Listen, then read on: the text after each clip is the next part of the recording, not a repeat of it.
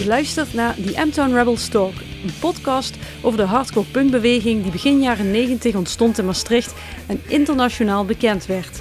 Niet alleen door de talloze bandjes en festivals, maar ook door de tragische dood van drummer en boegbeeld Richard Bruinen, oftewel Richie Backfire. Deze aflevering is de eerste spin-off in opvolging van de achtdelige serie. Een verhaal is natuurlijk nooit compleet, maar zeker niet zonder deze twee heren die je zo meteen gaat horen. Een van hen kwam pas later in de scene terecht en staat bekend om zijn weergaloze podiumpresentatie, zijn queen-fanatisme, maar vooral om zijn grenzeloze fratsen en gedrag rondom backfire shows. Nou, ga ik gewoon een bord schijten en dat zet ik in de machtentrom. Dus ik kwam terug, de hele backstage was leeg, raampjes open en toen had ik backstage weer gewoon me alleen. Straks hoor je van Dave Morse, beter bekend als Dave 3, hoe dat precies zit. Maar we beginnen met het enige lid van Backfire dat alle shows heeft meegemaakt. De frontman die naar eigen zeggen sinds 1995 geen interviews meer gegeven heeft en buiten het podium liever op de achtergrond blijft. Nu is het enige wat belangrijk is, is je gezondheid en je familie en je gezin. En voor de rest telt gewoon helemaal niks. En, en zo sta ik in het leven. Zolang dat maar goed gaat, dat is de basis van alles. Voor degenen die kinderen hebben, ik adviseer je om deze aflevering via koptelefoon te beluisteren. Veel plezier met deze spin-off over demonen, deals en dochters.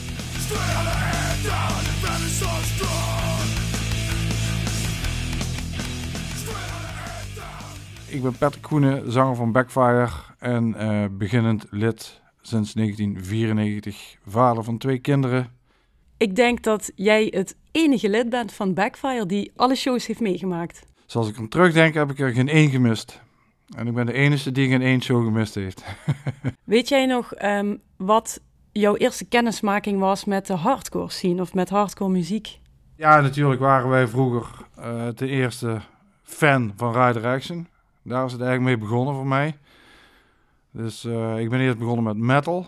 Mijn eerste concert was Whiplash en Mucky Pup. En uh, de boerderij in Geleen.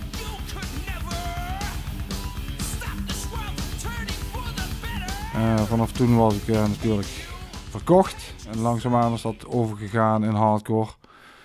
En het is vooral eigenlijk door, uh, door Action gekomen dat ik in de hardcore ben uh, gerold. Ja.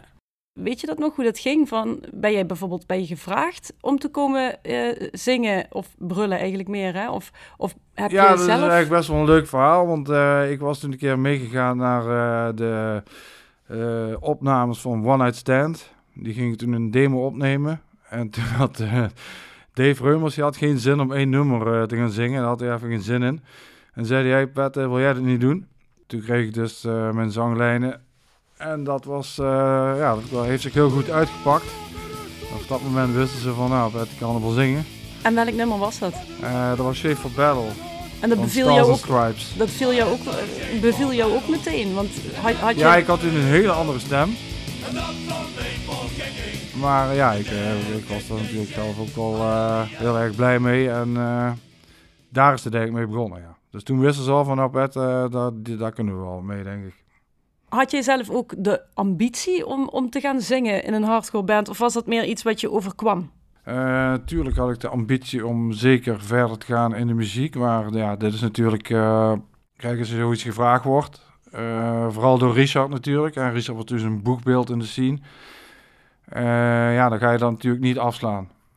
En dat heb ik natuurlijk met twee armen omarmd. Ja, want jij kende hem uh, als drummer bij Right Direction, of, of was dat ook toen al een, een vriend van je, of hoe zat dat? Ja, toen was hij toch nog niet, waren we nog niet echt bevriend. Toen was hij toch meer echt de drummer van Right Direction, maar ik ging mee met elke show. Dus eigenlijk overal waar Right Direction naartoe ging, daar was Petje ook te vinden. Ja, dus hij, eigenlijk ja. heeft hij jou betrokken daarin, in het, eigenlijk eh, dat je zelf ging participeren in de... In de ja, op een gegeven moment ging Richard zijn eigen band beginnen. Hij wou een beetje een ander pad kiezen als Rider Action en een beetje heftiger en zwaardere hardcore gaan maken. En toen waren we in frituur Ben. En daar is, het, dat is een oude frituur hier op de markt. En dan stonden we aan de flipperkast. En toen is het eigenlijk begonnen. Toen werd er, is Wiep gevraagd of de gitarist wou worden. En toen uh, hebben ze ook gevraagd uh, of ik wou komen zingen. En daar heb ik natuurlijk een volmondig jaar op gegeven. Ja, want hoe, hoe zag jouw leven er verder toen op dat moment uit? Zat je, jij zat nog op school, denk ik. Hoe, hoe oud was je toen? Ja, begin twintig, ja. Ja. Ja, ja ik was natuurlijk super fan, super hardcore fan. En dat, was ik, dat was mijn grootste passie. En ja, ja zo is Backfire natuurlijk ook ja, dat is vanaf het begin af aan is dat, is dat alles geweest voor me toen. Backfire was, is jouw eerste band en dat is ook meteen, of, of vergis ik me daarin? Ah, heb je Backfire is mijn eerste band, ja. ja. Uh, en die band is eigenlijk meteen van 0 naar 100 geschoten. Ja, dat is zo snel gegaan. Dat is uh, ja, echt geëxplodeerd. Ja, wat voor invloed had dat destijds op, op jouw leven? Want... Alles. Alles veranderde toen. We hadden toen, uh, ik geloof binnen twee maanden hadden wij al een, uh, een platencontract. Ja. Met een, met, een, met een demootje met twee nummers. Wat vonden jouw ouders er eigenlijk van? Dat, uh, dat je in zo'n band ja, ging, ging zingen en dat je op tour ging? Nou, in het begin gaven ze er niet zo heel veel aandacht aan. Maar op een gegeven moment merkte ze wel dat het uh, erg serieus werd. Het was vooral uh, toen wij op de eerste tournee, grote tournee kwamen. Toen uh, gingen we zes weken op tour met Warzone. En toen werd mijn vader 50 jaar en daar kon ik dus niet bij zijn. Omdat ik toen uh, een optreden had in Groningen. En dat was, ja, was een tour van zes weken en ik kon natuurlijk niet uh, uh, zomaar eventjes een dag skippen. En daar hebben mijn ouders toen wel heel erg zwaar mee gehad. In ieder geval mijn vader. En toen wisten ze wel van, nou, hij is wel echt heel serieus bezig met waar ja. hij mee bezig is. Waar ben je opgegroeid trouwens? dat zeg Zullen ze in Maastricht wel om lachen. ik heb mijn jeugd doorgebracht in Sint-Pieter. Echt waar, Patrick? Ja, ja op de Mergelweg wel en, uh, voor de helft van de tijd in het bos. maar daarna, ik heb me eigenlijk in alle plaatsen van uh, Maastricht gewoond. Ik heb het op mijn negende heb ik gewoond uh, op Sint-Pieter. Daarna zijn we naar Heugen verhuisd. Toen naar de Heeg. Ja, misschien moeten we het even toelichten. Hè? Voor mensen die Maastricht niet zo goed kennen, is Sint-Pieter eigenlijk een van de chicste wijken hè, ja, van Maastricht. maar goed, ik woonde dan wel uh, aan de achterzijde, hoe noem je dat? Ik woon op de Mergelweg. Ja. Is aan de kant van Kan. En daar, dat was niet de chicste wijk. Oké, ja. Want... maar goed, ik was het toen in zo'n leeftijd, uh, kijk, ik was negen jaar, of nou een chique wijk was of niet, uh, daar ja. heb ik toch niet veel van meegekregen. Ja. ja, want is dat eigenlijk een beetje vloeken in de scene? Als je, is dat erg als je een beetje uit een wat, wat betere of Nee, maar dat is wel een beetje een, een uh, ja, een, een, een, inside joke in Maastricht als je uit Pieter komt, ja. Ja. mijn vader was vrachtwagenchauffeur en mijn moeder werkte als serveerster. En mijn vader was dus ook eigenlijk twee weken per maand was hij weg. En dan was hij alleen het weekend thuis. En dan was ik de, de man in het huis. Zo moest jij van alles doen eigenlijk? Uh, dat eigenlijk helemaal niet. Maar uh, mijn moeder die had mij dus uh, helemaal niet onder controle vroeger. En dat was eigenlijk alleen als mijn vader thuis kwam. Oké, okay. was je lastig dan? ik was niet het makkelijkste kind. Wat bedoel je dan? Laat ik zo zeggen dat ik niet zo goed luisterde. Ja. ja. Opstandig, bedoel je dat? Ja. Op school ook? Ja. Heb je daar... Al, altijd wel geweest. Uh, ook problemen mee gehad of gewoon... Ja, ik heb er wel behoorlijk wat problemen mee gehad. En ook, ik heb mezelf ook behoorlijk in de problemen gewerkt vroeger. Dus dat ik uh, toch wel uh, ben opgegroeid met pesten. En ik was vaak de sjaak.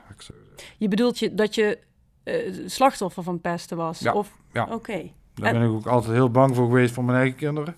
Ja. En gelukkig is dat niet het geval. Maar dat is wel iets wat ik uh, toch wel jaren heb meegedragen. Heb je een idee waar dat door kwam? Zo van, was je teruggetrokken? Of, of, uh, nou, ja. dat kwam eigenlijk doordat ik uh, verhuisde van een plek waar ik niet bij weg wou. En toen kwam ik dus in Heugem terecht en daar wou ik eigenlijk niks van weten. En toen was er zomervakantie en iedereen die ik op straat tegenkwam, die sloeg ik op zijn neus. En toen begon de school en dan zaten al die kinderen, die zaten daar. Die wat ik dus uh, op een neus had geschopt. Oké, okay, dus, de, dus uh, dat was een soort van, kreeg je een soort van uh, payback. Vanaf terug. dag één was het mis, ja. En heeft dat dan op school ook geleid dat je, dat je ook van je af moest slaan? Of, of? Ja, iedere dag bijna. Totdat ik op, eigenlijk op de middelbare school kwam. En toen kwam ik eigenlijk bij de groep stoere jongens, laat ik zo zeggen. Dan heb ik zelfs nog de rollen omgedraaid. Dat ik zelf een beetje een pestkop was af en toe bij de zwakkeren. Maar ja, dat komt vaker voor bij mensen die uh, ja. zo'n verleden hebben. Daar heb ik ook spijt van. Dat is wijsheid die je nu meeneemt naar ook waarschijnlijk naar je eigen kinderen. Ja, zeker. En gelukkig uh, is mijn dochter bespaard gebleven. Ik ben Dave Moos, beter bekend als Dave 3 in de hardcore scene. ben uh, gitarist van uh, onder andere Backfire, Discipline, Angel Crew, van uh, Downshot Sideline. Dat is ook uh, Ampton Rebels. Angel Crew is trouwens een samenwerking met bands uit België. Dus dat, ja, dat is wie, wie, ik ben en wat ik doe qua muziek. Heb jij ooit gitaarles gehad? jazeker. Muziekschool vanaf mijn achtste tot mijn vijftiende. Dus een, ja, ik hoorde mijn uh, favoriete band, Queen. Mijn uh, moeder had een videoband ervan. En ik rolde iedere dag dat geluid. Live op Wembley. Ik denk, verdomme, dat wil ik ook doen. Een broodje en de meeste vrienden die zaten op voetbal en weet ik wel allemaal. En ik wilde gewoon dat geluid wat ik daar hoorde, dus die gitaar, dat wilde ik ook doen. Dus ik, mam, dat wil ik. Dus toen uh, ja, heeft ze elektrische gitaar al gekocht. En toen uh, ging een muziekschool, Cumulus, hier in Maastricht. En daar wordt aangegeven van, uh, ja, ik kan op gitaarles, maar elektrische gitaar pas vanaf 12. En ja, waarom? Omdat ja, dat, elektrische gitaar is best zwaar. En als je acht bent, ja, dat mocht dus niet. Dus ja, was dan akoestisch, of zoals ik vroeger zei, gewoon een houten saaie gitaar. Ik ben nu blij trouwens dat, ik het heb uh, gedaan. En thuis speelde ik dat dan uh, gewoon op elektrische gitaar. En ja, dat tot mijn vijftiende. Toen had ik alles behaald, zeg wat er te halen valt. En nu speel ik dus alles met uh, gewoon één akkoord. En dan schuif ik erop en af en toe solo. maar ja, ik kan tonen, noten lezen, weet je wel, de hele rotsen, die, die ken ik. Maar ik ben, ja, als je muzikant bent, vind ik, dat doe je gewoon zo, zonder noten te lezen of whatever. Maar je bent dus wel, zeg maar, cultureel verantwoord opgegroeid, begrijp ik dat goed? Waren jouw uh, ouders muziekliefhebbers of zijn ze muziekliefhebbers? Nee, alle, de hele familie, niet alleen mijn moeder. Ja, de hele familie, dus, uh, of de hele familie. Ik heb maar de, de, de ene helft, die, die, was allemaal dood, zeg maar, aan mijn moeders kant. En mijn vaders kant is allemaal echt gewoon werken, voetbal. Werken, voetbal, daar, ging het ook altijd om. Dus als we dan ook op bezoek gingen bij mijn opa en oma, dan ging ik altijd de camera naast zetten. Want ja, sowieso, die rookte allemaal daar. Ja, dat pakte mij altijd op mijn keel. En dan ging ik de kamer daarnaast en dan was, stond er zo'n klein stereootje met mijn koptelefoon met één Queen CD. En die ging ik steeds luisteren. En ja, toen uh, mijn, moeder, ja, mijn moeder die zei, luister iets Of, En dan was een Deep Purple. Ja, dat was lange gitaarsolo's. Ja, vet, nog meer gitaar. En zo ben ik wel meer ja, gaan beluisteren. En toen, ja, al haar LP's gaan beluisteren. En ja, van de suite en echt die oude jaren 70 dingen. En ja, zo, zo is het gegroeid. Dus die moet wel heel erg trots op jou zijn, waar je nu bent beland overal. Ja, ja dus het wel vet. Soms wat gevaarlijk, maar... Uh, ben jij geboren in Maastricht? Ja. En waar, in welke wijk ben je opgegroeid? Deeg. Oh, dat is de, eigenlijk ook wel de bekende wijk van uh, de Boekel. Dus ja. Heb je dat in die jaren ook meegekregen? Dat toen je opgroeide, dat daar van alles aan de hand was in de, in de hardcore? Ja, dat heb ik allemaal meegekregen. Zo is het ook. Wiep, Dave, ja, iedereen, Owen, eh, noem ze maar op. Alles woonde gewoon in de Dus en dan uh, ja, de Boekel 99 met, uh, voor Rabies, daar was ik ook bij. En, uh, ja. Toen was jij eigenlijk nog best wel jong ten opzichte van de rest. Ja, ja zeker. Ja. Ja, daarvoor ging 97, dat was het Phoenix, Backfire en te lange nog. En uh, Right Direction, ja, daar was, was, was ik ook overal uh, bij. Hoe, wat was jij voor kind of puber? Heel, ja, dat zou je niet zeggen, maar heel rustig. Ik zat altijd op mijn kamer gewoon muziek te maken. Terwijl de meeste vrienden van mij die gingen buiten uh, met de scooters wat rondrijden en uh, blowen, weet ik wat ze allemaal deden. Ja, ik ging thuis muziek luisteren, muziek maken. En ja, op mijn zestiende speelde ik bij Sideline. Dus, dus repeteren, nummers maken, bedenken. Je zegt van, uh, ik keek toen best wel op tegen Backfire. Um, waar keek je precies tegen op? Nou, omdat ik dus heel jong was en uh, op een gegeven moment ja, kwam ik eerst dus via de heideroosjes, hoorde ik dan op school, basisschool was er nog. Ja. Offspring, oh, zo harder bestaan niet. Toen uh, kwam uh, iemand van, even moet je dit eens horen. En dat was een Ampton Rebels compilatie. Nee, oh, oh, nee, eerst was het Rebel for Life volgens mij. En toen dacht ik van, oh, en Ja, Rebel for Life was het. En toen- dat zet ik dus op. Mocht ik lenen, die cd. Dan heb je dan de eerste intro. En was tak, dan begint het nummer.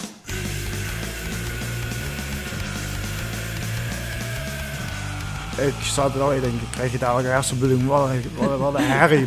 De- en op een gegeven moment steeds verder. En die, die energie die, die gewoon eraf spatte. Ik denk, wat fuck, dat is vet. Toen op een gegeven moment, eh, ja, eh, ah, die komen dus uit Maastricht, oké. die spelen in de backstage, was voor de eerste show volgens mij wat ik heb gezien. Of volgens mij wel, ja.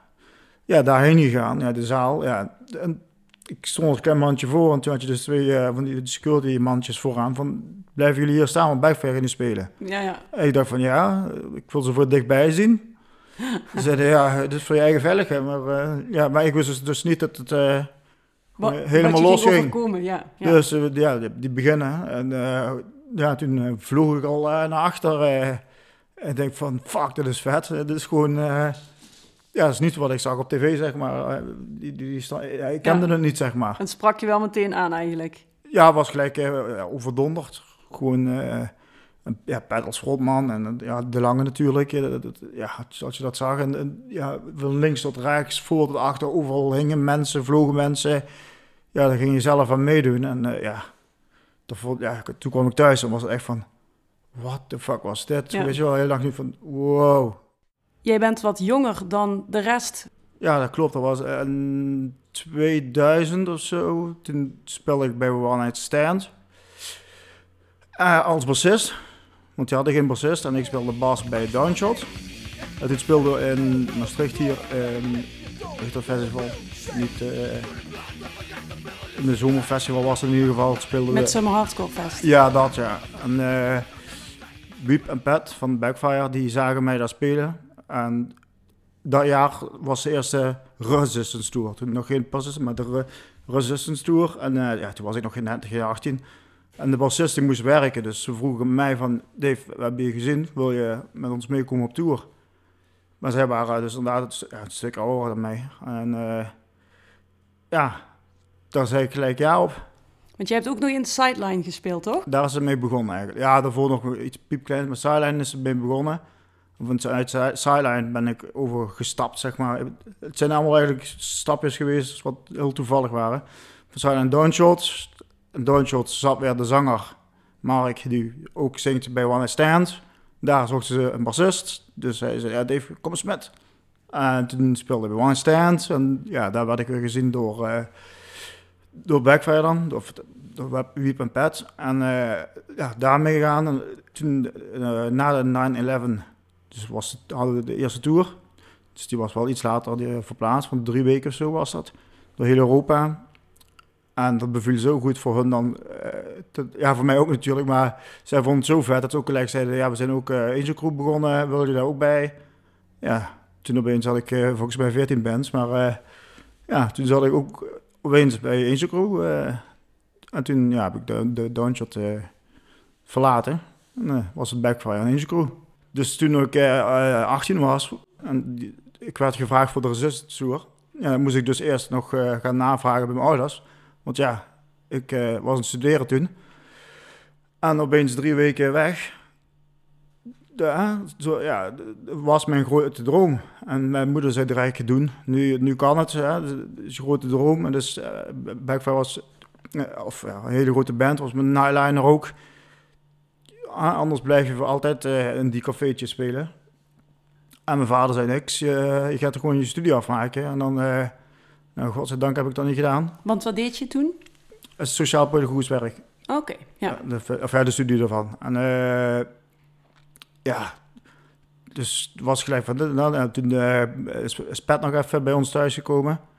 Van, ik let wel op hem en de, eh, het komt helemaal goed. En ja, Pat en die hebben ook helemaal... ik wist niks. Ik was echt zo groen als wat. Dus er gebeurden dingen eh, in de bus wat ik echt gewoon geen idee van had, zeg maar. eh. Maar dat was echt super. En ja, daarna volwassen bijspelen. Dus ja, mijn, mijn vader dacht nog altijd toen van, van die kleine cafeetjes overal en zo. Maar ik wist wel hoe groot het was, zeg maar, qua omvang. Ja, Toen, ja, dat heb ik gewoon gedaan. En daarna, ja, de studie gewoon eh, opgezegd. En alleen maar muziek maken. Ik denk dat iedereen die wat uh, deze muziek zien zit, of naar deze muziek luistert, dat hij toch wel iets van een verleden heeft. Want uh, normaal mensen uh, die gaat niet zo snel naar Deringen luisteren. ja, denk je dat? Ja, ja, ja, ja, dat gevoel heb ik altijd wel gehad. Dat zal, iedereen moet toch wel een beetje een kronkel in zijn korp hebben. Want als je de normaal mensen die muziek laat luisteren, dan, dan zeggen ze heel, heel snel van zet maar af. Luister jij eigenlijk zelf alleen maar naar hardcore? Tuurlijk niet. Vertel. Nou, ik heb ten eerste heb ik uh, huisdieren gehad en uh, natuurlijk mijn kinderen. Mijn huisdieren die zouden het huis uitvluchten als ik uh, hardcore ging draaien. nee, maar ik hou, ik vind Adele goed, ik vind Queen goed. er zijn zoveel bands wat ik goed vind. Johnny Cash, André Hazes, ben ik hartstikke fan van. Dat vind ik helemaal geweldig. Ik heb toen een keer een fantastische avond gehad in Amsterdam. Toen was op het Leidseplein als daar een Hazesfeest. Met mijn ogen dicht jankend uh, hazen zitten zingen midden op het plein. Ja, dat was geweldig. Uh, maar natuurlijk, uh, maar hardcore of metal, dan moet ik, daar, ja, ik moet er zin in hebben. En ik kan het eigenlijk alleen maar nu in mijn auto luisteren. Ja, want luister jij jullie eigen platen ook wel eens? Nooit. Nee? nee. Waarom niet? Ja, ik weet niet. ik denk dat iedere band dat wel heeft. Kijk, als je een plaat net uit is, dan luister je hem tien keer en daarna gaat hij de kast in. Je, je hebt nog best een tijd ook met Richard op drums uh, uh, gespeeld. Wat was jouw band met hem? Vriendschap. Ja, een vriendschap en ook een haat-liefdeverhouding. Want uh, Richard was ook echt wel een dictator in de band. Tot in de extreme. Die vent die jongen zes keer per dag aan de telefoon. Van je moet dit en je moet dat. En op een gegeven moment kregen wij daar allemaal wel een beetje moeite mee. En op een gegeven moment werden wij natuurlijk ook wat wijzer. Kijk, Richard was natuurlijk wel iemand die al langer in de muziek zat en die ook uh, de klappen van de zweep goed kon. Wij waren nog zo groen als kool. En hij heeft ons natuurlijk wel heel veel geleerd. Maar op een gegeven moment, ja, dan kom je zelf, uh, hè, word je zelf ook wat wijzer in, in de muziek. En dan, uh, dan pik je dat, dat, dat soort zaken ja. niet meer. En, en dat heeft ons vaker gebotst, ja. Ja. In, in, in de aanloop, zeg maar, naar... Um 1999. Ehm, heb jij zelf iets gemerkt van dat hij veranderde? Of dat hij met dingen zat? Of dat hem iets dwars zat? In die tijd was het wel zo, kijk, uh, over gevoelens werd in die tijd niet gesproken eigenlijk. Hè. Dat, was, dat was eigenlijk een taboe. En het enige wat ik merkte aan Richard is dat hij uh, afstandelijker werd en dat hij zich ook tegen ons ging afzetten. Dat het af en toe gewoon een vervelende eikel werd. En dat, uh, ja, ik weet niet of dat zijn manier was om, uh, om daarmee om te gaan. Mm -hmm. Maar dat was, dat was wel, uh, ja, en vooral dat ook dat ze zich vaak afzonderde ook. En, ja. Weet jij je het moment nog te herinneren dat jij hoorde dat hij een einde aan zijn leven had gemaakt? Ja, ik was toen toevallig bij Onne Krombeck, Weilen. Ja. Was ik in de zaak in Eindhoven en toen kregen we daar telefoon van uh, je moet naar Maastricht komen, want er is iets gebeurd met Richard. En toen zijn we meteen naar het huis van uh, de moeder van uh, Richard gegaan. Ja, daar kwam langzaamaan ja, iedereen binnen van de scene. En van de Rijksrechten en Backfire natuurlijk. Ja, dat waren wel heftige tijden, ja. ja. Weet je nog wat jij toen dacht, de, toen je het hoorde? Ja, dat je leeft dat in een waas. En complete shock natuurlijk. En vooral, ik weet nog het moment toen de politie binnenkwam met zijn sieraden. Ja, toen wisten we dat was eigenlijk een bevestiging van het is ook echt zo. Maar in het begin zit je natuurlijk een beetje in ongeloof. Van dat kan niet. Ja. maar toen ze eenmaal binnenkwamen met zijn, uh, zijn kettingen en zijn, uh, zijn ringen en zo. Ja, toen wisten we wel dat het zo was. Ja. Had je dat zien aankomen? Uh, dit niet. Nee, we wisten wel dat, dat Richard niet goed in zijn vel zat. Maar dat hij tot zo'n daad zou overgaan, dat dat, dat echt nooit nee. ons verwacht. Nee je, je hebt zelf ook ideeën over wat hem zou kunnen dwars zitten. Ja, maar dat wil ik liever voor mezelf houden. Ja, het is ook speculeren natuurlijk. Ja. Hè, wat iedereen heeft zijn eigen gedachten over wat er met Richard is gebeurd. En ik heb daar mijn eigen visie over. Maar die ga ik niet delen op een, uh, op een podcast. Openbaar platform. openbaar nee. platform. Nee, maar we kunnen in ieder geval wel stellen dat uh, dat een heleboel mensen verschillende ideeën hebben over wat er aan de hand zou kunnen zijn geweest. En dat dat, Ja, ja, dat, dat verschillende dingen kunnen zijn die allemaal eventueel waar zouden ja kunnen er zijn. is in ieder geval iets, iets verschrikkelijks gebeurd wat, eh, wat die man gebroken heeft. Ja. Waardoor hij tot zijn daad is gekomen. Jullie hebben toen nog, eh, ik geloof een, een week later hè, dan de, de uitvaart, nog een show Ja. gedaan. Hè? Klopt. Daar zijn nog opnames van. Ja. Kijk je die nog wel eens? Eh, die heb ik al heel lang niet meer gezien. Die staan nog ergens in een doos. Ik heb nog een eh, aantal dozen met videobanden thuis liggen. En daar staat de show op. Er was ook een karregat, geloof ik. Of Mhm, kar, wie ja. ik heette. Ah, die show die was, eh, die, die stond geboekt al. Voor, eh, die, ja, die stond al lang geboekt. Voor de, dat Richard er deed. En toen hebben we toch eh, besloten om die show te doen. Maar die show was natuurlijk eh, ja, heel bijzonder. En dan was, eh, de halve zaal was aan het huilen. En we hebben toen ook een, eh, Ja. staande ovatie gehad van een kwartier of zo. Dat was, dat was Ja. echt, eh, echt heftig. We hebben donderdag eer in de kerk en vandaag eren we hem op onze manier hij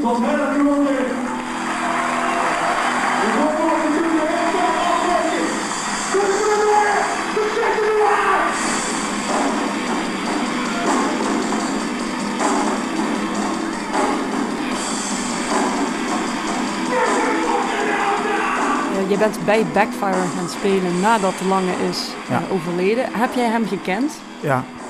Ja, maar niet, niet echt qua spreken met hem of iets. Maar omdat ik altijd dus ja, jong en klein was. En er was dan een voorprogramma voor Backfire. Dan kwam hij wel eens. Hé hey, kleine, dat je weer. En dan pakte hij mij op. En dan flikkerde hij me goed door de backstage. Ja, niet bij de, bij, in Maastricht, de zaal, Ja. backstage zeg maar. Daar ja, pakte hij me gewoon op. En dan gooide hij me gewoon wop. Ja, dat vond hij dan leuk. Ja. En jij? Ja, vet. Gelijk eh, stage diven zonder op het podium geweest te zijn. Dus ja, ja, ja, zo kende ik hem wel. eh, maar Nee, maar je hebt dus wel natuurlijk eh, van redelijk dichtbij meegemaakt dat hij is overleden. ja, Hoe was dat voor jou? nou, toen speelde ik natuurlijk nog niet bij Backfire. Ik keek wel ontzettend tegen Backfire op. En ik was toen op school en eh, kreeg toen op, eh, iemand zei van, Dave, eh, je bent van Backfire toch zo vet? Ja, die drummer en die, die liet toen, eh, ja, was echt nog de, de krant zeg maar zien. Ik zeg van, hè? Dat was raar. Ik heb vorige week, of een paar weken van tevoren nog gezien, waar was dat? Weer in een of andere school was dat, meen ik, waar ze toen speelden. Zo'n hele grote.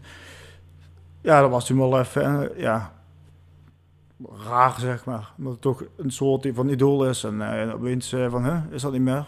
Kan dat? Ja. Dat, dat- dat- dat was gewoon heel raar. Ik denk van, hoe, hoe kan dat? En eh, ja, ben ik ook nog naar de dingen gegaan, hè, naar, de, naar de kerk. was bom, bomvol. Dat was echt, ik stond helemaal achteraan. Ik was ook nog, eh, ik dacht te vroeg. Ik denk, oh, dat is toch niemand. Maar alles was al binnen. Mhm. Dus ja, dat was wel eh, heel indrukwekkend. Toen kon jij nog niet vermoeden dat je ook bij Backfire zou gaan spelen? Nee, helemaal niet. Ja. Ik stond er gewoon als, als fan met een backfire try. Het is een van de heftigste gebeurtenissen in mijn leven geweest. Eh, Het was niet alleen de drummer van Backfire, maar was ik met een, een vriend van me, eh, waar ik eh, wekelijks mee omging, dagelijks. En ja, daar heb ik toch flink wat tranen om gelaten vroeger. Ja. Heeft dat jou nog veranderd als persoon of, of in gedrag? ja, dit zijn harde levenslessen. En ja, of mij dat in mijn gedrag heeft veranderd. Kijk, eh, ouder je wordt, eh, wij dealen allemaal met depressies en eh, we hebben allemaal tegenslagen in het leven. Bedoel je nou dat, dat jij dat zelf hebt ervaren, de depressieve Ja, gevoelens? ja, zeker, zeker. Ik heb eh, genoeg meegemaakt in mijn leven waardoor ik vaker in een diep gat heb gezeten. Het overlijden van mijn vader, ik heb veel vrienden verloren. De geboorte van mijn dochter toen was heel erg zwaar. Vooral omdat we niet zouden weten of ze het überhaupt zou halen. Eh, dat was een van de donkerste periodes uit mijn leven. Eh, we hebben toen ook zes maanden niet thuis gewoond, maar alleen in ziekenhuizen en in Ronald McDonald huizen. Ik heb daar een aantal kinderen zien sterven, waarvan ik de dag daarna nog met de ouders zat. eh, en volle hoop. En de dag daarna zag ik ze met gebogen hoofd door de gang lopen. Met het besef dat jou dat ook zou kunnen overkomen Ja. natuurlijk erbij. Ja, in het begin zag het er natuurlijk heel anders uit. Ja, mijn dochter heeft zich ontzettend goed ontwikkeld en dat gaat gewoon hartstikke goed. En die heeft eh, iedereen een poepje laten ruiken. Dus wat dat betreft, eh, ja, daar ben ik gewoon verschrikkelijk trots op, op mijn Ja. dochter Sam. Ja, dat, je hebt Ja. daar ook een nummer over geschreven ja, toen, hè? Samsung, ja.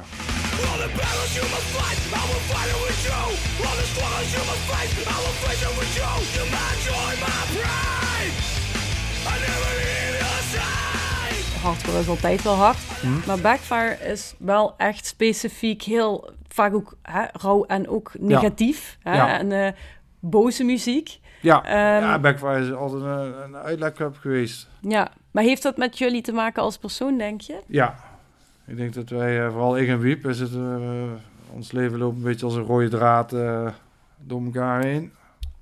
We hebben allebei onze eigen demonen, Worstelingen. Met, worstelingen eh, en demonen, ja. En, Z- Durf je eh, die te benoemen, die demonen? Of, of wil je het er liever bij, bij laten? Nou, daar wil ik het liever bij laten. Ja. Ik denk dat dat ook best wel al eh, een beetje is besproken in de podcast, in de, in de podcast voorheen.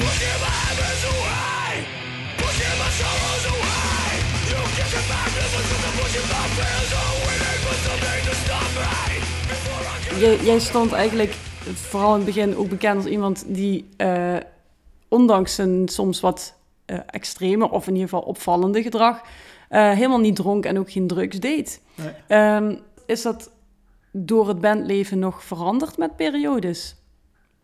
Nee, ja, drugs nog altijd niet. En eh rook heb ik ook nooit gedaan. Alleen op ja, 23 ben ik gaan drinken, maar dat Ja. is eh, meegekomen. Dat was waren op, op vakantie, Dominicaanse Republiek. En eh er was een soort cocktail. En mijn moeder dronk die met alcohol en ik dan zonder.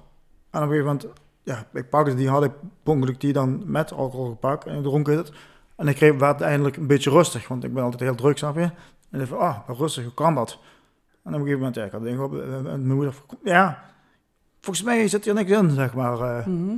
En toen is het, ja. Dus je kwam er eigenlijk achter dat alcohol maakte dat je ru- wat rustiger in je hoofd Ja, want Ja. daarna is ook, qua die gekheid, of hoe je het wil noemen, is da- daarna ook minder geworden, zeg maar. Toen je begon met drinken, ben je rustiger, geworden. Ja, waar, waar rust. Maar als ik dan los ging wel Ja. eens, dan was het ook wel gelijk weer heel extreem. Ja, Ja, ja dus dan, als je dan te veel dronk ook.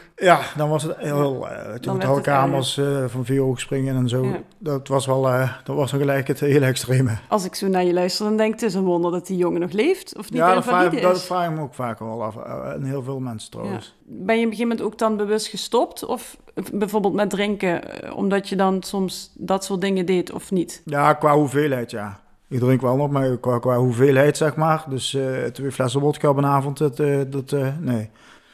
En vooral ja, sinds we een dochter hebben en zo, ja, nee, nee. Nee. Snap je? Vroeger was het echt gewoon, verveelt je, dit en dat. Ja. Ah, wordt er rustig van, maar op een gegeven moment sla je door. En dan, Ja. en, ja. Voor jou is ook niet onbekend dat er een hele hoop anekdotes bestaan die soms de vorm van een legende eh, aannemen als het om jou gaat. Eh, in ieder geval in ehm, ja, hoe het er in Backfire aan toe ging op het moment dat jij daarin stapte. Ja. Weet je dan waar ik het over heb? ja, dat weet ik wel ongeveer, denk ik, ja. Ja, wa- want kun je dat dus in je eigen woorden omschrijven? Ja, eh, als, je, ja, als je op tour gaat en je zit in Nightline en zo, ja, is gewoon reizen en heel lang wachten tot je een uur, of ja, drie kwartier eigenlijk, kunt eh, spelen. En ik dronk toen nog niet eens de eerste, eerste tour. Dus eh, ja, toen, als, als ik me verveel, dan denk ik aan, ja, allemaal gekke dingen. Ja, dat is gewoon uit, ja, uit verveling. Dus ik denk van, wat zou gebeuren als ik eens dit doe? Of wat, dan, dan ben je gewoon van huis uit, hè. Dan ben je weg en dan kan en mag alles, zeg maar. En ja, Dus je was een beetje ongeleid projectiel eigenlijk. oh ja. Ja, vooral Wiep en ik, ja, wij samen, dat, dat, dat was geen goede, goede match als wij Nee. ons vervelden. Ik ben eh Wie Brouwer. Ik ben eh, de originele oprichter van Backfire samen met Richard en Patrick.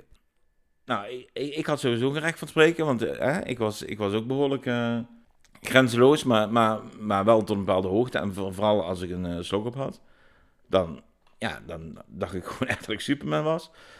Maar hij deed het gewoon helemaal nuchter. Dan kwamen we ergens in, een zaal, een festival, waar tien mensen speelden. We kwamen binnen, we zetten ons spullen neer. Hij ziet, hij ziet een, eh, een bord en, en de catering. En hij draait een drol op het bord.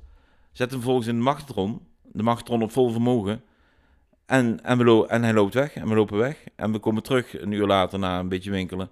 En die, die halve zaal was volledig afgezet met linten. Die machtron was in de fik gevlogen, die stront was in de fik gevlogen.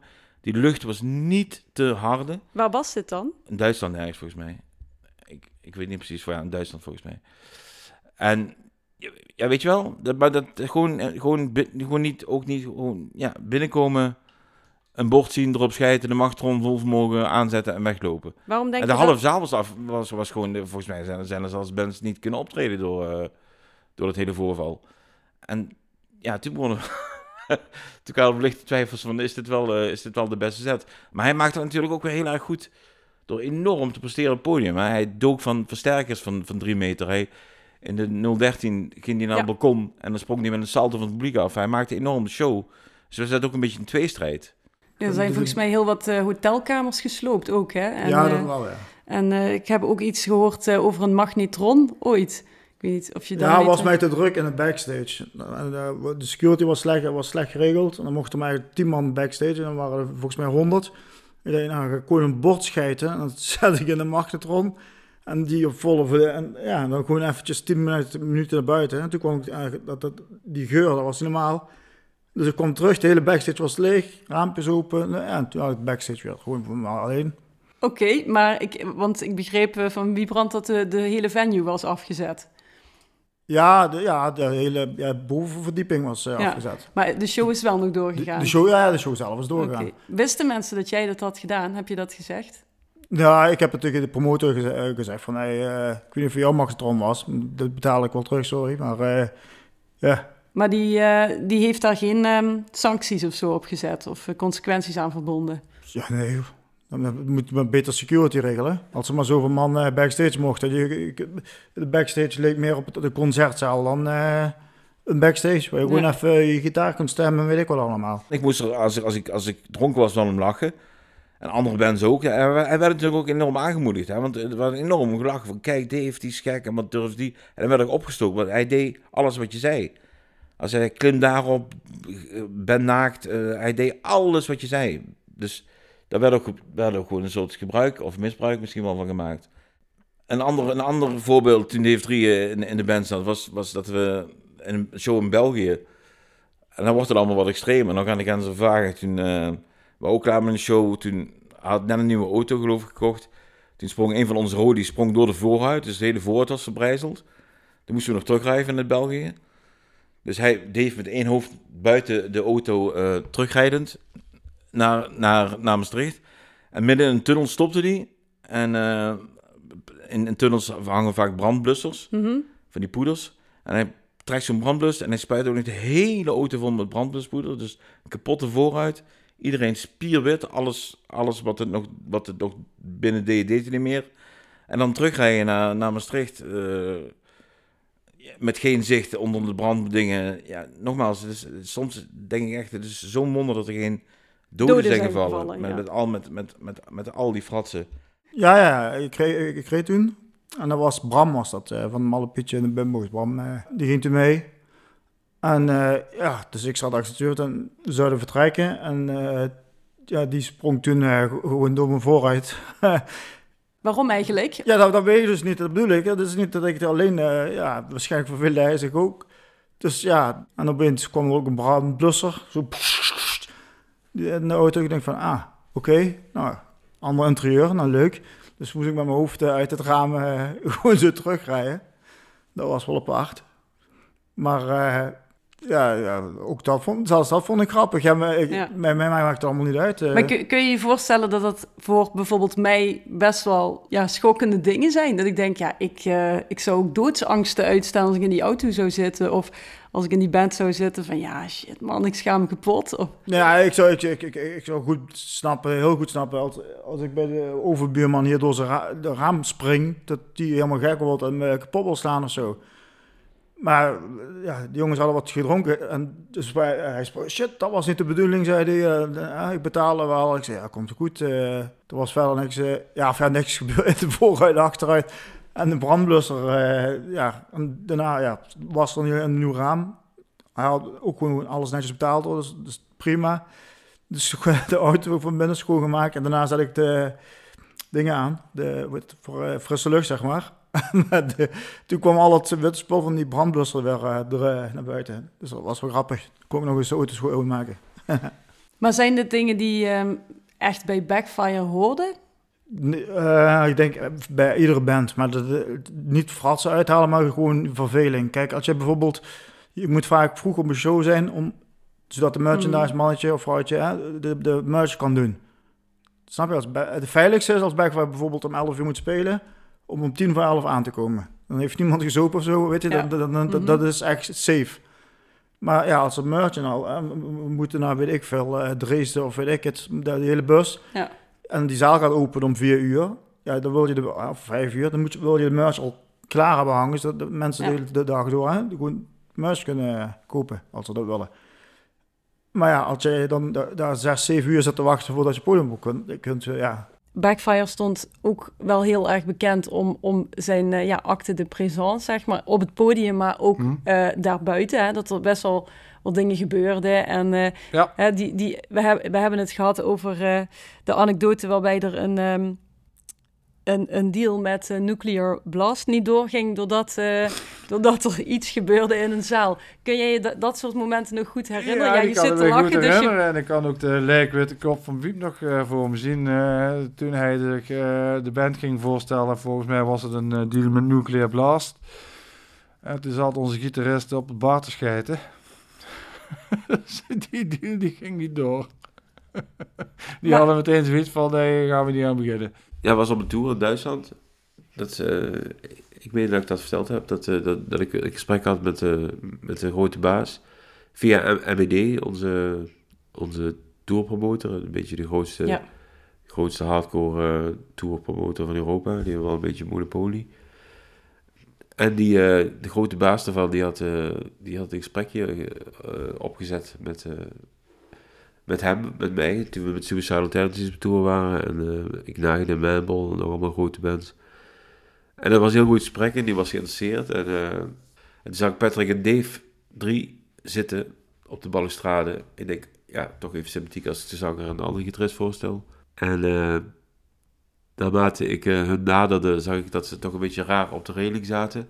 Het werd mij al vrij snel duidelijk dat ze iets te doen waren niet in de haak was. En toen bleek dat ze alle twee een broek, broek op hun knie hadden en over de balustrade aan het heen poepen waren op de bar Op de bar van...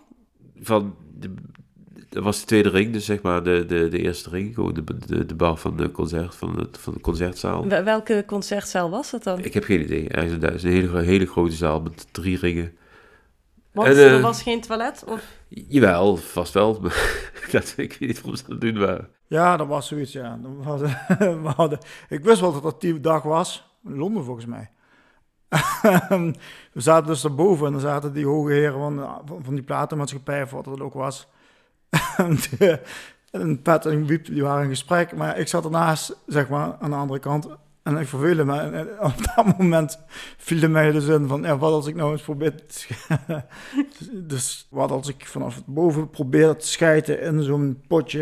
Ja, dat, dat ging ik dan doen. En dus niet, het, ja, ik dacht gewoon, het is net dachten, zo moet dat lukken. Want als me dat niet gelukt, dat was net ernaast, maar ja, zoiets allemaal. Ja, dat, dat- ja. ja die deal die ging niet door. Ik was niet bij eh, toen ze het hadden afgesproken, maar het was, eh, die man keek en gaf ze geen hand volgens mij. En eh, keek nog even naar mij en naar die manager van de MBD. En, eh, nooit meer iets van vernomen. Wat Eh, dacht jij toen eigenlijk? Ik dacht, eh, nee, ik moest wel lachen eigenlijk. Je moest lachen. Ja, ik moest lachen. Jij dacht niet, hier gaat een megadeal verloren. Nee, nee. Idioten. Nee, nee, ja, nee.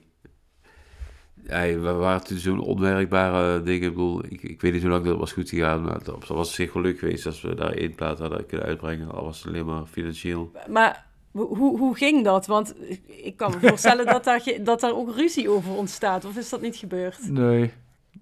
Ja, dat... Kijk, als ik nu terugkijk, dan denk ik, man, man, man. Maar toen dat tijd, ja, dan was dat gewoon normaal.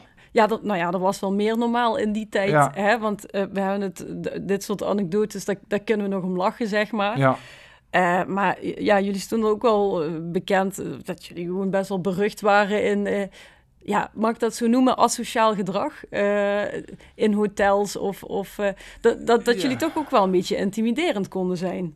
Ja, zeker wel. Back, uh, hoe moet ik het zeggen? Backfire heeft ook nooit onzin gepikt van andere bands of, of zalen die ons bijvoorbeeld onder de betaling uit probeerden te komen. Dat is in 25 jaar nog nooit gelukt. Ook andere bands die uh, wel eens een grote mond hadden of ons bedreigden of wat dan ook. die gingen wij meteen opzoeken en confronteren. En dan was het meteen respect en sorry, sorry. En dat zo is Backfire altijd geweest. Daardoor hebben wij ook waarschijnlijk vriendschappen opgebouwd met een, bijvoorbeeld een band als Kickback, waar iedereen voor zijn broek scheidt, maar wij hebben er altijd schijnen gehad. En dat is, ja, daar staat Backfire ook wel ook bekend, denk ik. Ja, zou kunnen stellen dat het ook wel een beetje past als je kijkt naar hoe jij zeg maar op straat uh, mensen benaderde als je hè, toen je van, van Sint-Pieter naar Heugem ging en jouw, uh, jouw fysieke ja, copingstijl zeg maar uh, om om te gaan met, met je gevoelens. Ja, Backfire, zoals ik al zei, Backfire is zeker een uitlaatklep geweest voor alle frustraties die we in het dagelijks leven meemaakten. Ja. En ja, nu minder, denk ik? Of, of uh, is het nu toch op een andere manier toch zo? Nou, er zijn er genoeg dingen waar iedereen mee worstelt in het leven. En ja, kijk, op moment is mijn leven heel anders. Ik heb twee kinderen. En dat wilde leven is wel voorbij, ja. ja want... Maar van de andere kant ben ik wel erg blij dat ik het heb meegemaakt. En ik zou het ook voor geen geld willen missen. Deed je dat vroeger ook al, dit soort dingen? Of, of is dat echt ontstaan ja, toen je de bandwereld instapte? Ja, ik kan straks thuis uh, een kop koffie proberen te schijten. Nee, dat snap ik. Maar ik bedoel, jouw ouders uh, hebben wel zeg maar een opvoeding gehanteerd waarin er toch wel degelijk regels waren. Nou, dat, dat, viel, dat viel bij mij. Okay. Maar ik hield mezelf altijd bezig gewoon met muziek maken boven. Maar uh, ja, ik, ik ken die anekdote ik, een hele hoop. Ik heb 90% is, is ook waar. Ook zijn er een hele hoop dingen wat ik heb gelezen waar iets van waar is en dan wordt groter gemaakt. Ja, ja, Het interesseert me allemaal helemaal niks. Maar, maar bij jou zijn er niet heel veel dingen die per se nog groter hoeven te worden gemaakt, toch? Want eh, bijvoorbeeld deze anekdote waar, waar jij het nu over hebt. Ja, dat is een kleintje. Dat vind ik, ja, maar dat, ik vind het al redelijk schokkend. En jullie kwamen met heel veel weg, toch? Ja, met alles eigenlijk wel. Maar ja, ik vind het ook nog altijd eigenlijk onschuldig. Uh, bedoel, als je echt gewoon mensen, weet ik veel, elkaar gaat slaan en zo. Dat, dat hebben, we, hebben, we nooit gedaan. Of ja, dat, dat, is, dat is bijna nooit geweest. Uh, dat vind ik erger dan dat iemand uh, zoiets op borst gegeit of weet ik veel. Ja, dat is eigenlijk puber ja, grapjes, vind ik dan. Ja, dat klopt. Maar jij was toen geen puber meer, of toch? Nee, dat, toen was ik geen puber meer. Ik had, ik had waarschijnlijk niet genoeg um, gezag, want hij is ook... Hij is, gevraagd bij Madballers proces, heeft hij een hele tour gedaan. Hij is met H2O op tour geweest en daar deed hij het niet. Ja, dus daar hield hij, hij kon het wel, hij had wel een stop, maar bij ons was dat... dat was, en bij Discipline doet hij het volgens mij ook niet, waar hij nou bij zit. Dus maar ik denk dat ik niet, ik denk dat ik niet genoeg... Plus dat ik zelf het, nooit het goede voorbeeld heb gegeven. Dus ook niet de gewezen persoon was om hem te stoppen. En de andere al helemaal niet. Nou, dan moet je de gasten van uh, Discipline maar eens vragen hoe dat zit. Oké. Nee, ze hebben me een keer bijna op het vliegveld laten staan, omdat, omdat ik daar ook van alles was uitspoken. Echt waar? Ja, ja, ja. En mag ik vragen wat dan? Of is het... Uh... Ja, ik, uh, op het vliegveld en we hadden vertraging. En dan had ik wel wat, heel veel gezopen en zo. En toen begon ik daar gewoon op de vloer te pissen en te schijten.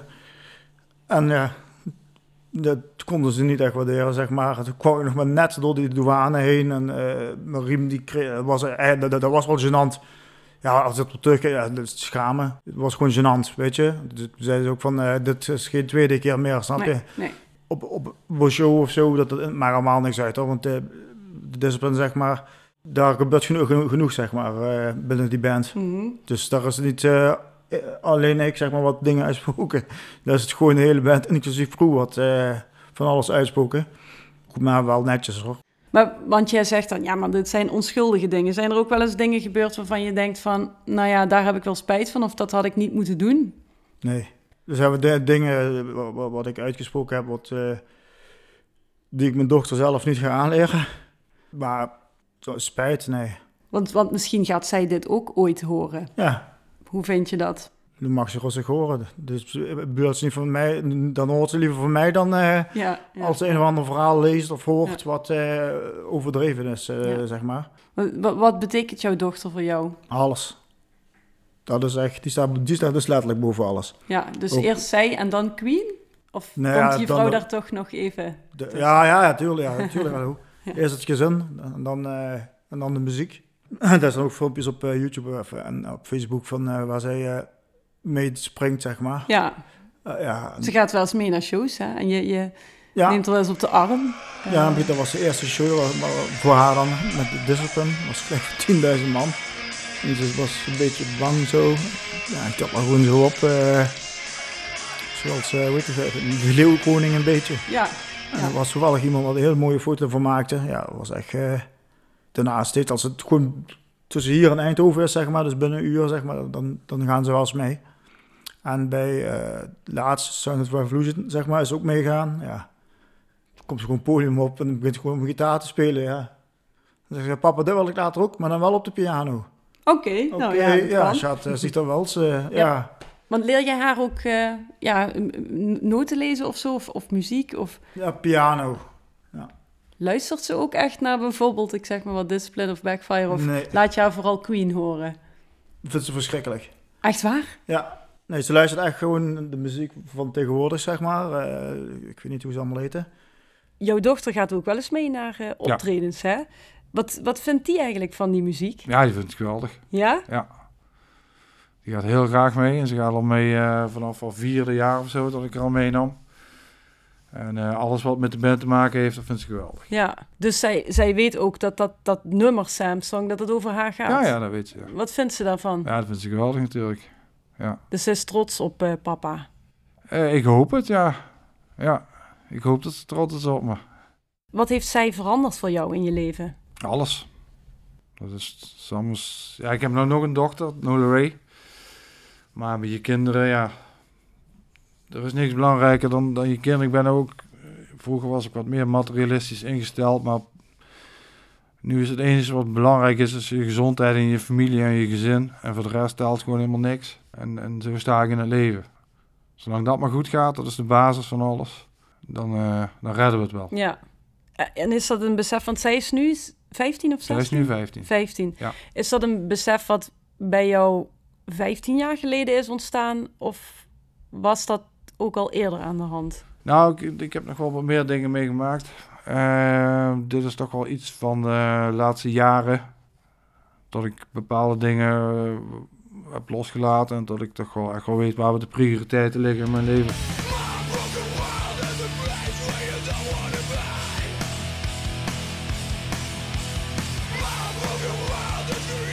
iedere plaat is eigenlijk een, een, een, tijdsmoment uh, geweest. Als, als, je een plaat en je luistert de teksten, dat, dat, dat is precies eigenlijk hoe wij op dat moment in het leven stonden en wat dat gebeurt. Het is ook uh, zo als met Backfire, als het allemaal goed gaat, dan kunnen we niet schrijven. Dat is heel raar. Want dan komt er geen tekst uit, dan komt er, er moet gewoon iets gebeuren voordat wij weer productief kunnen zijn. Productief kunnen worden. Als alles stil ligt en alles gaat goed, ja, waar moet ik over schrijven? Uh, en noodzakelijk kwaad dus eigenlijk. Ja. Ja, ik weet niet wat het is. Hij heeft altijd een soort van zwarte uh, zuilenwolk over Backfire gehangen. Ja. Dat is misschien wel de goede ja, term. Misschien hebben wij dat zelf uh, aangetrokken of heeft het gewoon zo moeten zijn. Ik weet het niet heb je een idee van hoe andere muzikanten in de band dat ervaren? Want jullie, hè, Wiep en jij, zijn eigenlijk de enige originele leden nog. Mhm. Ehm, en ik heb de indruk dat vooral jullie die, donkere, die donkerte meedragen. Ja. Um, hoe, hoe is dat dan om dat over te brengen op andere muzikanten? Nou, kijk, wij zijn verantwoordelijk voor de teksten. En zij zijn verantwoordelijk voor de muziek. En zij houden zich daar vooral mee bezig. En wij houden ons bezig met de teksten.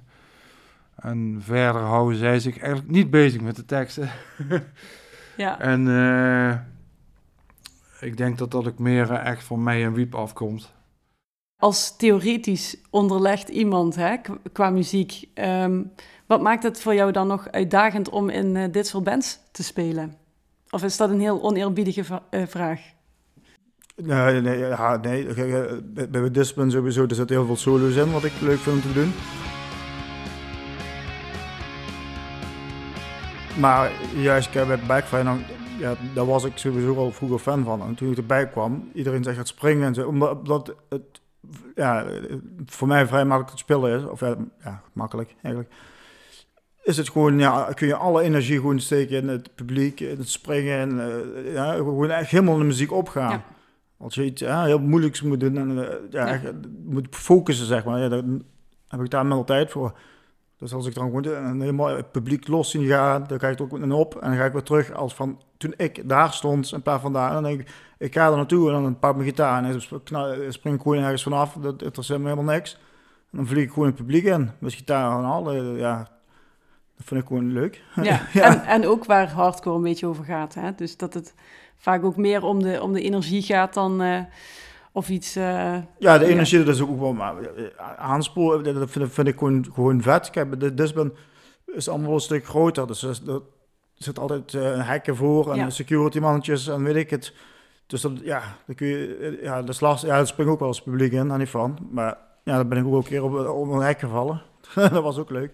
Maar uh, ja, mijn backfire en hardcore, dat vind ik het vetste. is gewoon ja, dus dat, dat klinkt allemaal zo uh, standaard. Maar het is, het is gewoon één.